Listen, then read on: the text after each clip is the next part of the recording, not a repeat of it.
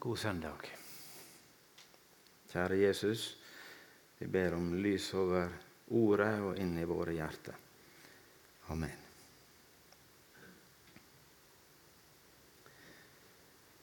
Vi tenner adventlysa våre fordi vi venter på at Jesus skal komme igjen. Det har han lova.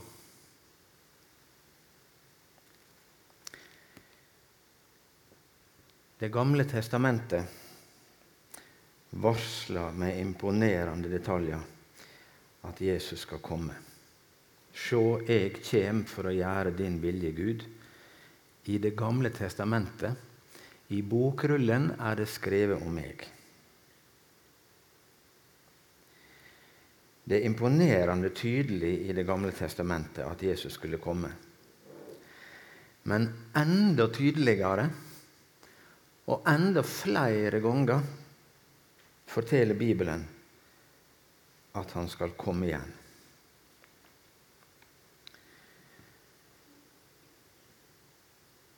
Så tenner vi våre lys fordi han helt ord. Det er ingen det kan sies så sant om som Jesus, at han holdt ord eh, og kom og enda mer gjør vi det fordi han vil holde ord og komme igjen. Teksten på denne adventssøndagen er i Lukasevangeliet kapittel 21. Eh, du får ikke det på skjerm, så du får lytte. Og Teksten begynner i Lukas 21, eh, vers 27 slik Da skal de se menneskesonen komme. Og Da må jeg et par linjer tilbake og lese når er det. Da skal de se menneskesonen komme. Og da sier Jesus det skal vise seg tegn i sol og måne og stjerner. Og på jorda skal folka bli grepne av redsel og rådløse i larmen fra hav og brått sjøer. Folk skal forgå av redsel og gru for det som kjem over jorda, for kreftene i himmelrommet skal bli rokka. Da skal de sjå menneskesonen komme. De som hører dette første gangen, var det et eller annet gjenkjenning i det Jesus sa? Ja, det var det. Fordi at det Jesus sier her, det er bare en bekreftelse på det som står i bokrullen i Det gamle testamentet. Jeg skal få tre eksempel på det som de kan ha tenkt på hvis de kunne bibelsoga si. Jesaja 34. Oppløst blir hele himmelhæren. Som en bokrull blir himmelen rulla sammen. Hele hans hær skal visne som lauvet på vinstokken visner, og frukta på, på fikentreet skrumper inn. Og profeten Joel, kapittel 2. Jorda skjelv framfor deg, og himmelen rister. Sol og måne svartner, og stjernene mister sin glans. Og profeten Haggai, vers 2, enda en gang, om en liten stund, rister jeg himmel og jord, havet og det tørre landet. Jeg rister himmel og jord. Jeg støyter ned kongsstoler og gjør ende på mektige rike mellom folkeslaga. Ja, jeg tror de tenkte på det når Jesus sa dette, for det ligner sånn på det som står skrevet i bokrullen. Og så tenkte jeg på Jesus kommer med ei kort setning som er slik Kreftene i himmelrommet skal rokkast. Tenk på Tenk på den balansen som er i universet. Hvor, hvor nøye Alt balanserer. Tenk på samspillet mellom stjerne og klode og, og solsystemet vårt. Og de nøyaktige banene, slik at det ikke kolliderer. F.eks. planeten Neptun har flere måner som ikke kolliderer. Og en av dem, den største, går motsatt vei. Motsatt rotasjon i forhold til Neptun men alt balanserer så fint. Tenk på avstanden til vår måne. Hvis den avstanden hadde vært bare litt mindre, så hadde alle bebodde områder på jorda blitt oversvømt to ganger i døgnet. Men den avstanden er nøyaktig, og den, den holder hele tida. Og så sier Jesus kreftene i himmelrommet skal rokkes. Og Da er det ikke rart hvor han beskriver folk skal bli grepne av redsel og rådløse i larmen av hav og brottsjøer. Da skal de se Menneskesonen komme i skya med stor makt og herligdom. Det finnes mange varsel om at Jesus skal komme igjen som folk gjerne vil kalle for overnaturlige varsel. Det var ei kristen dame som eh, reiste med fly. Og flyet kom ut i en sånn tordenstorm, en elektrisk storm, vil kanskje noen kalle det. Med, med, med en voldsom turbulens, og folk ble livredde om bord og skreik og ropa. Så satt hun i lag med noen på rekka si som var kristne. Og i lag begynte de å be til Jesus at du som stilte stormen en gang, still stormen nå. Og så ble det stilt. Og Så fikk hun en sånn sterk indre minnelse at hun skulle ta et bilde. Og sette kameraet imot flyvinduet og tok et bilde.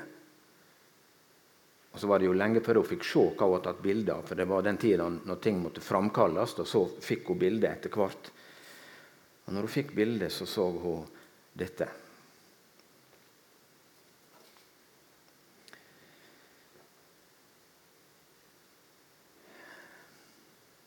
Han lever. Jeg har en uh, venn fra militæret, en kristen venn i Trondheim, som uh, har betydd mye for meg. Uh, som nå er plaga av alvorlig sykdom. Men første jenta der, når hun var bitte lita, så var hun alvorlig syk, og de var redde for å miste henne. I den tida la de merke til en detalj på et bilde av henne som de hadde tatt. Et fryktelig dårlig bilde som bare er verdt å slettes og, glemme. Men så så de en detalj på det bildet som gjorde at de ikke sletta det. Og nå henger det innramma i stua der. Ser du en detalj? Skal du få se det litt nærmere? Er det mulig å se? Ja. Han driver mye med fotografering. Og han kan ikke forklare på noen måte hva dette kan vise i øynene, hvis ikke det var at han som lever, viser seg. Og jenta var trygg i hans hender. Ja, han lever. Noen ville vel trekke på skuldrene og si at dette er bare historier som er laga. Og at Jesus skal komme i skya, hva er det for noe? Ha, du kunne vel rigge opp en projektor og, så lage et bilde på skyene. sant? Og så ser du noe. Men Jesus sier han skal komme. Og jeg er sikker på når han sa det også, så demra det for dem noe som sto i bokrullen, som var sagt for hundrevis av år siden. Profeten Daniel jeg så i mine nattesyn, og sjå, med himmelskyene kom det ein som var lik en menneskesønn. Han gikk bort til den gamle av dager og vart ført fram for han. Han fikk herskarmakt og ære og rike, så alle folk og nasjoner og tungemål skal tjene han. Hans herskarmakt er ei evig makt som ikke skal forgå. Hans rike går aldri til grunne. Han lever, og han skal holde ord og komme igjen. Og Da skal alle se han med øynene sine. Det er ikke vi nå. Men da skal alle se han med øynene sine i makt og herligdom. Det er jo skjult for oss nå, selv om vi får gløtt av hans herlighet i, i Guds ord, og vi får gløtt av det i fellesskapet når vi møtes, så er han likevel usynlig. Det er en modell av det også i bokrullen. Husker du hva som var Guds bolig her på jorda i, i den gamle tida i Israel? Det var et rom et rom som så ut akkurat som ei kube. Helt firkanta. Det var det høgheilige innerste rommet i tempelet. Det var hans bolig her på jorda. Der var det alltid mørkt. Der skulle det aldri være lys. For han bor i det dunkle, i mørket. Det lærer oss at her på jorda kan ikke vi se han. Vi har ikke tålt det heller. Vi kan ikke se noe. Vi må bare holde fast på det han har sagt i sitt ord. Derfor så tror vi på han. Vi tror på det han har sagt. Vi veit at han er nær oss. Men her kan ikke vi se noe. Men en dag skal alle se henne i makt og herligdom.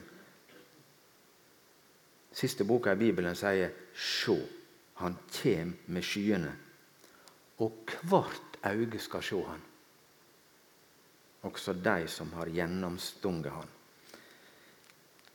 Israels folk. Ja, han er nær. Så har vi altså lest om at Jesus varsla katastrofe. Det er jo det. Det er voldsomme katastrofer. Av og til så synger vi en gammel bedehusang 'Himmel og jord skal brenne, høyder og berg forsvinne'. Og vi tenker ikke over hva vi synger engang. Det er jo voldsomt. Det er katastrofe som skal komme. Hvordan skal en kristen tenke om dette fryktelige som skal skje? Her, Da sier Jesus sånn Men når dette tek til å hende Husker du hva som står? Men når dette tek til å hende, skal de rette dere opp og løfte hovedet, for da skal de snart settes fri. Det skal en kristen få tenke. Vi skal rette oss opp, for snart er dagen der til å bli sett fri. I, i noen bibler så står det ikke 'skal bli sett fri', men det står at, det, at dagen for utløsinga nærmer seg. Vet du hva utløsing er? Det er når noen blir sett fri ved at det blir betalt. Da blir du løst ut for en sum. Og Det er det fine med den som tror på Jesus, at det er betalt. Slik at når den dagen kommer, så blir du løst ut fordi at han har betalt for det. Og så er du fri. Rett deg opp. Luft hodet. Det nærmer seg den dagen. Det er advent. Dagen da de skal bli sett fri,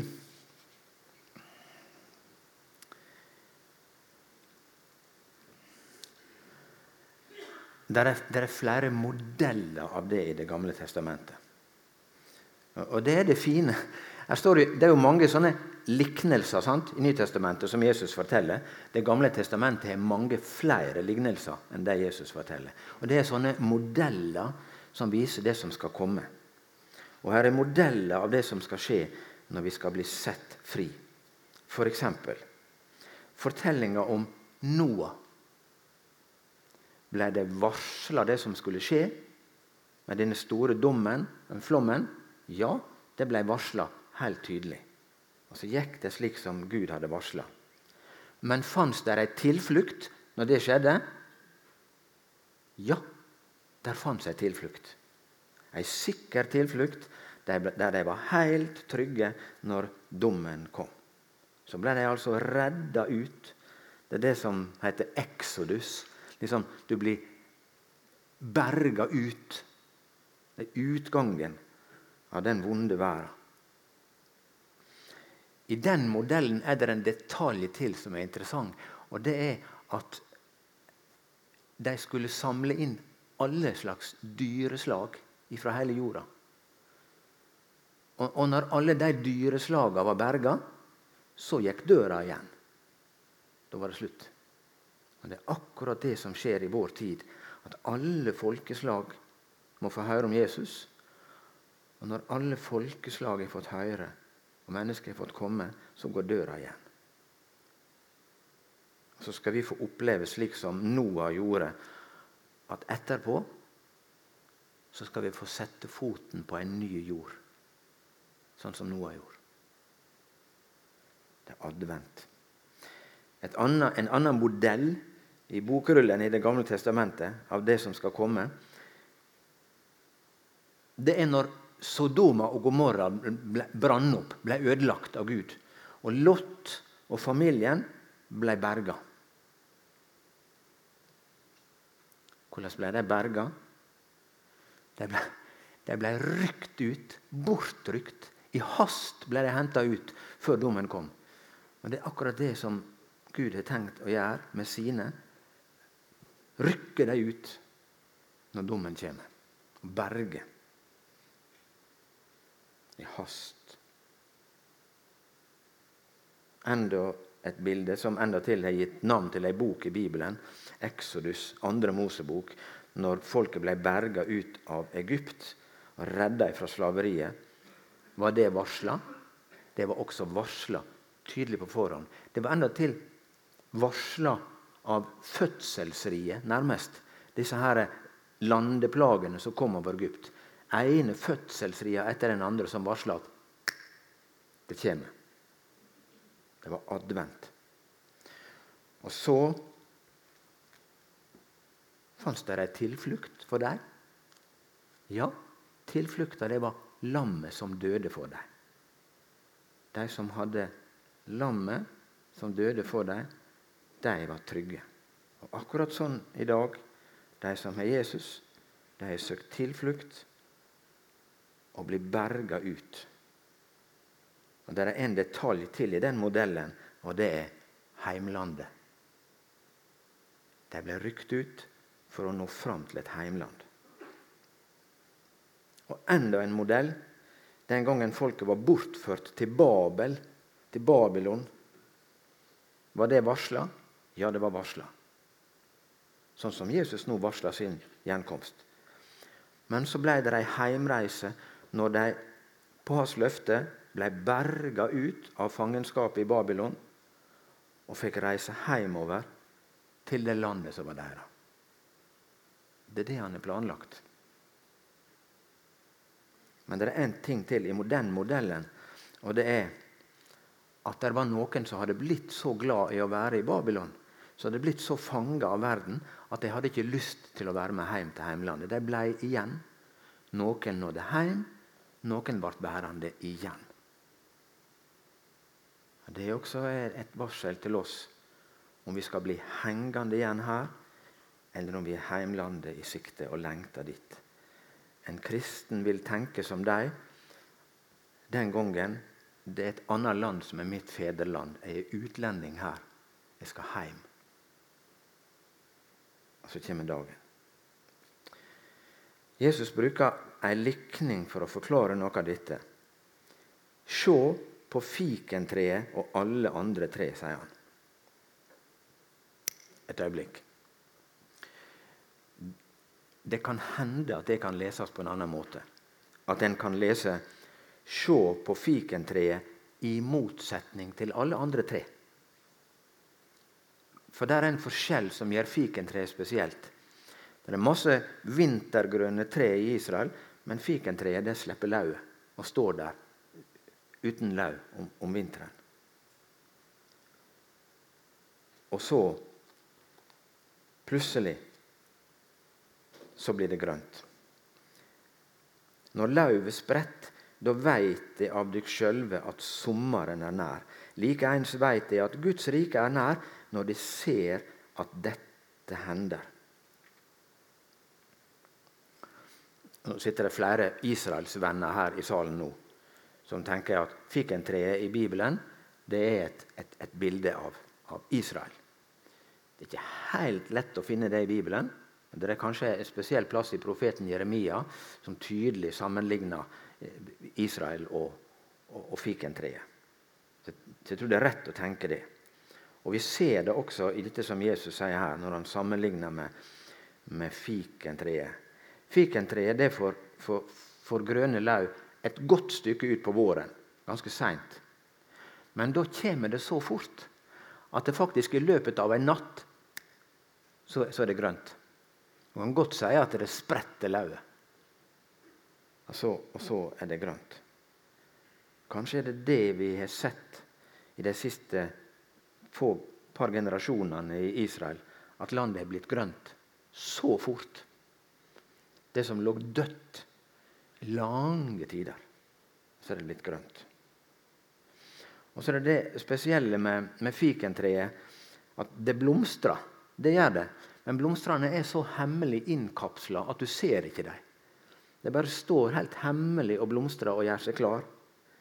Og så kommer tida for frukt veldig fort, og så skjer det.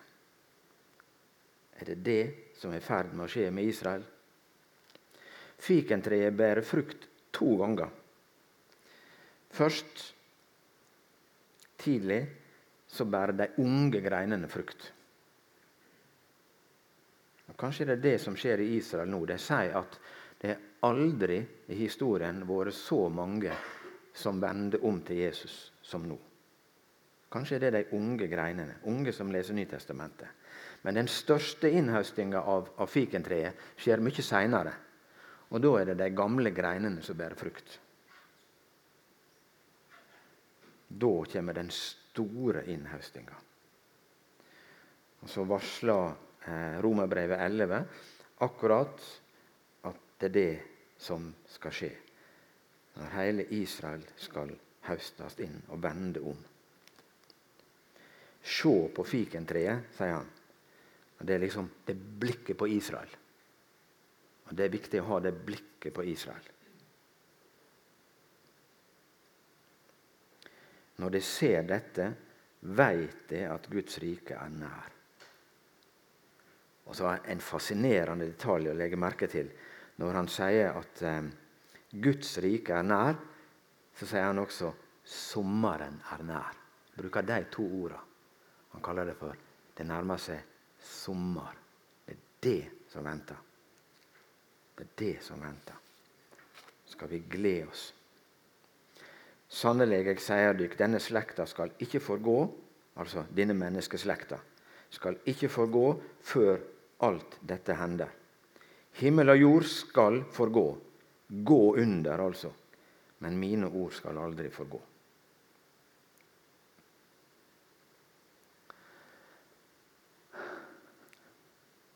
Du som har begynt å tro på Guds ord, kan hende det sitter noen her som har nylig begynt å tro på Guds ord. Du stoler på det som er sterkere enn all verdens katastrofe. Samme hva som kommer, det er én ting som er sterkere, og som holder. Det er Guds ord. Himmel og jord skal gå under, men, mitt, men mine ord skal aldri forgå. Det er trygt å holde fast i. Det som er slutten på vår tekst i dag, der kommer Jesus med ei åtvaring til oss. Ei åtvaring. Og, og når jeg bladde over til Matteusevangeliet og fant igjen samme fortellinga der, så er det en detalj. Da, han, da, da står, skriver Matteus da læresveinene var aleine med han så den åtvaringa som nå kommer, da sitter han med den næreste flokken sin. Og så sier han Ta dykk i vare, og la ikke hjertet dykkar bli sløva av rangel og drikk og sorgene i dagliglivet, så den dagen kjem like uventa på dykk som ei snare. For den dagen skal komme over alle som bor på jorda. Jeg tenkte, Det sier ikke han til deg der ute, men han sier det til sine nærmeste. At det går an, også for dere, at dere kommer til å bli sløva. Sløva av rangel og drikk og sorgene i dagliglivet. Så det skal også sies i Guds menighet. For det, det, og kanskje for oss som bor her i Norge med alt det som legger seg på oss, og som fyller livet og, og tankene, og som legger en søvn på oss, så vi blir sløva. Så dagen kommer uventa som ei snare. Det, slik sammenligner han. Sånn kan Jesu gjenkomst komme til å bli for noen. Og, og han sier det til sine nærmeste som å gå i ei snare.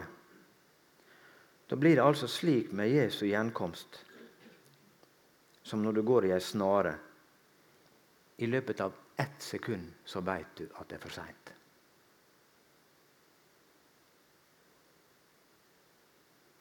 Hvordan skal vi unngå det?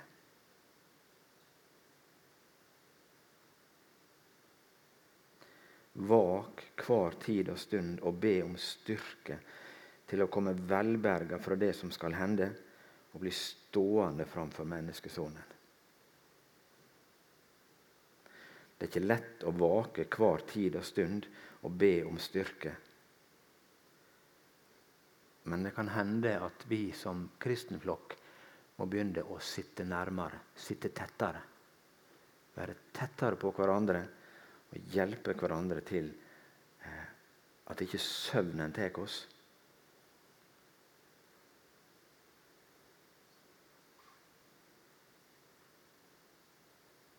Det er advent.